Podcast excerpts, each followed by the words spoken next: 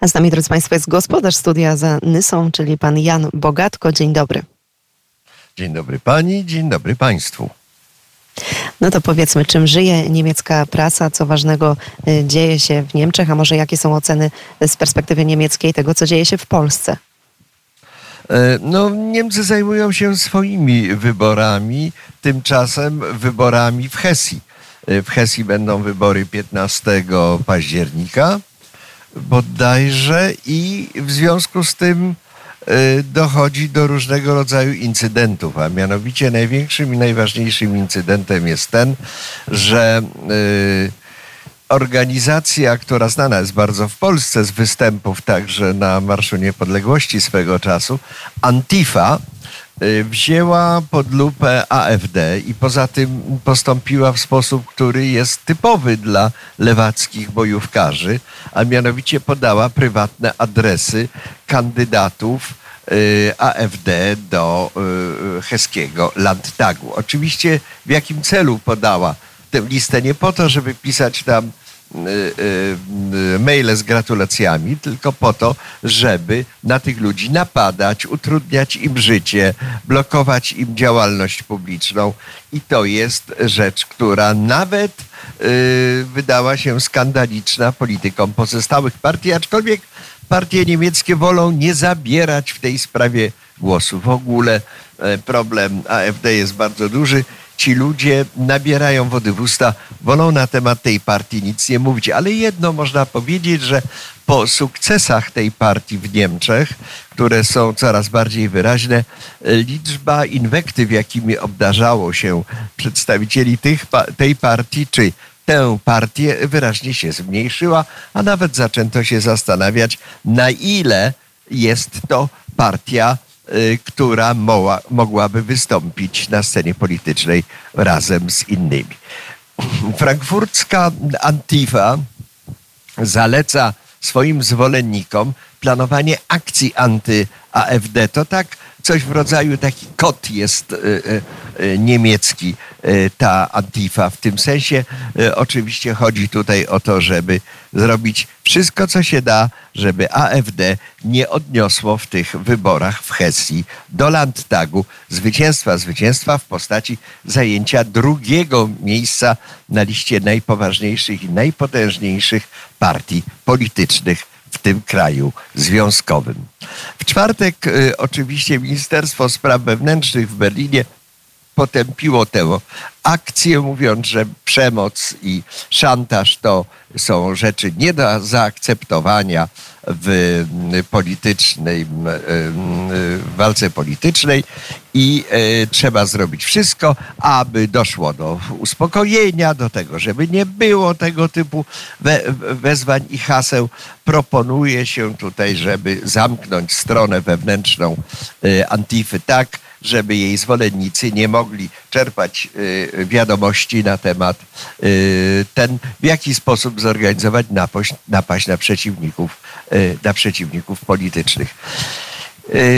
Antifa chce zrobić po prostu piekło, chce zrobić piekło AfD. No nie wiadomo mm, jak to z tym piekłem będzie i czym to się, i czym to się skończy dla AfD.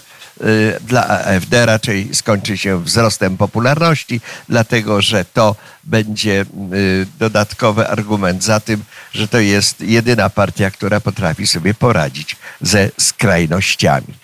Mm, Podaje się tutaj na tej stronie internetowej, y, to jest również interaktywna strona, zarówno miejsca zamieszkania i adresy y, prywatne kandydatów AfD do Landtagu, ale także przedstawia się tutaj tych kandydatów i ich politycznie diagnozuje. No więc można sobie wyobrazić, to jest taka typowa bolszewicka praca, która znana jest także i w Polsce ze wszystkich tych y, działań, które zmierzają przeciwko y, kandydatom PiSu na, na, na posłów. Z- Przysłuchuję jak się. zapytałeś, jak zapytałeś się, Proszę, tak proszę. świetnie, bardzo się cieszę, że mam przynajmniej jedną słuchaczkę, to już jest zawsze coś. Y, W każdym razie y, gazety zapytały się y, partii politycznych o zajęcie stanowiska wobec tej informacji na temat Antify i AfD i tutaj okazało się, że CDU zupełnie nie zareagowała na to. Tak z kolei Hesty Zieloni wraz ze swoim głównym kandydatem którym jest Tarek Al-Wazir, y, powiedział, że on niestety nie jest y, obecny. Teraz mamy sierpień jeszcze, to jest w Niemczech urlop na ten, w, w tym czasie w zasadzie nic się takiego wielkiego nie dzieje. Politycy się chowają y, za swoją prywatnością i siedzą sobie na wakacjach i przygotowują się do jesiennych rozgrywek politycznych i, i walki politycznej. Ale oczywiście w Niemczech y, y, y, Urząd Ochrony Konstytucji, to jest wewnętrzny kontrwywiad, dba o to, aby łapać i wyłapywać przeciwników politycznych w sensie ludzi, którzy działają aktywnie przeciwko innym politykom w sposób brutalny i e, są listy, e, które mówią, ilu polityków było zaatakowanych. Na przykład w ubiegłym roku było ich bez mama 1400, przy czym, przy czym, co jest ciekawego, najwięcej przypadków e, było przeciwko zielonym, później socjalistom i na końcu dopiero przedstawicielom AfD, więc nie byli oni najbardziej, najbardziej zagrożeni.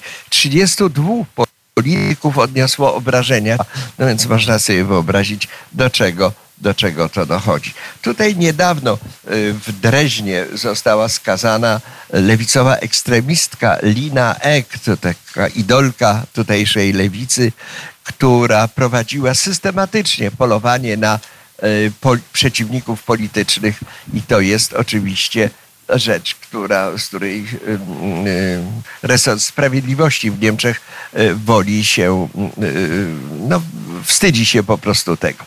8 października będą wybory w Hesji, a więc wcześniej niż w Polsce. W tym czasie prowadzi, aktualnie prowadzi rządząca CDU premiera Borisa Rajna, która ma 25%, ale zaraz, zaraz za nimi może się okazać, znajdzie się AfD, bo SPD ma 20% i jest w zasadzie web-web idzie z AfD i obaj konkurenci e, walczą w związku z tym o drugie miejsce i to mówimy o, mówimy o Hesji, nie mówimy o Saksonii, nie mówimy o Turyngii, nie mówimy o Brandenburgii, mówimy o Niemczech Zachodnich. Po prostu ten pejzaż polityczny, który jest w tej chwili w Niemczech, nie bardzo się Niemcom podoba i chcieliby, aby doszło do jakiejś, do jakiejś zmiany. Zanim do tej zmiany dojdzie, również są inne ciekawe rzeczy w Niemczech.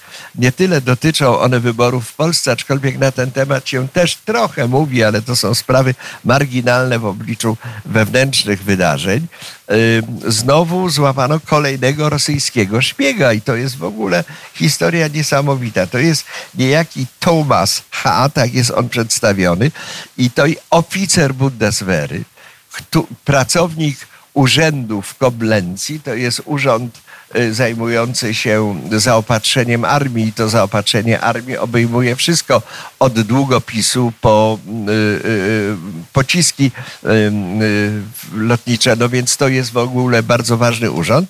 I tutaj ten Thomas H. zgłosił się, zgłosił się do konsulatu Rosji mówiąc tawaryści, no nie wiem czy dokładnie tak powiedział, ale coś musiał powiedzieć w tym rodzaju. Ja chcę do was zupełnie za darmo pracować z miłości dla Związku Radzieckiego, no, czyli dla Rosji.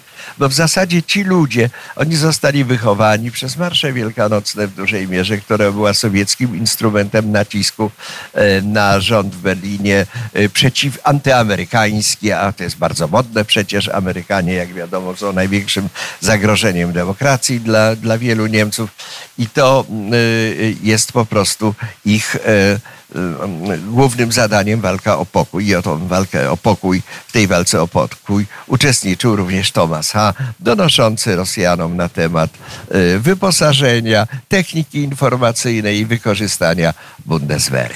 On nie brał za to pieniędzy. Robił to z czystej, z czystego altruizmu. Chciał po prostu żeby Rosja miała informacje takie, które by umożliwiły jej zwycięstwo pod każdym, pod każdym względem. To wywołuje oczywiście szalone oburzenie. Minister Sprawiedliwości Marco Bushman napisał e, na Twitterze, to się teraz nazywa X, że Czujność pozostaje nakazem chwili. I tu mi się przypominają takie plakaty z lat 60. w Niemczech, gdzie było pokazywane ten plakaty wyborcze, to było CDU, a zatem była taka łapa z pazurami czerwona i było e, to symbolizowało SPD, że Rosjanie na was czyhają. Wszyscy się z tego śmiali i śmieją się do tej pory w większości, z wyjątkiem już w tej chwili Tomasa H., który siedzi w, te, w kryminale. E, Carlo Massala to jest e, politolog, e, naukowiec, mówi, że ten Thomas Hahn nie był wcale w jakiś sposób szantażowany przez Rosjan. On po prostu sam się zaoferował i pyta się, ilu przyjaciół Rosji znajduje się w naszych Y, urzędach, wszelkiego rodzaju, naszych instytucjach do spraw bezpieczeństwa. Może się okazać, że bardzo dużo.